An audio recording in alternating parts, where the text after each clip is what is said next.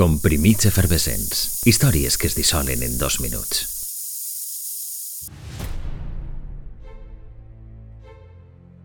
Només fou una actuació musical, però causà una polseguera d'aquelles que marquen època.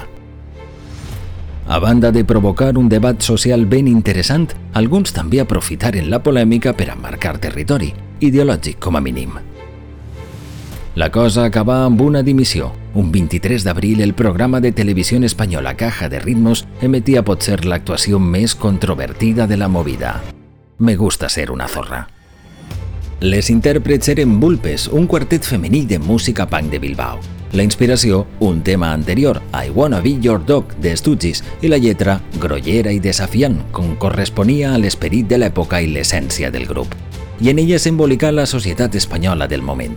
Fa uns anys, la sèrie Cuenta me recordava de forma brillant aquell instant posant en escena iaia i neta cara a la televisió i mostrant les seues antagòniques reaccions.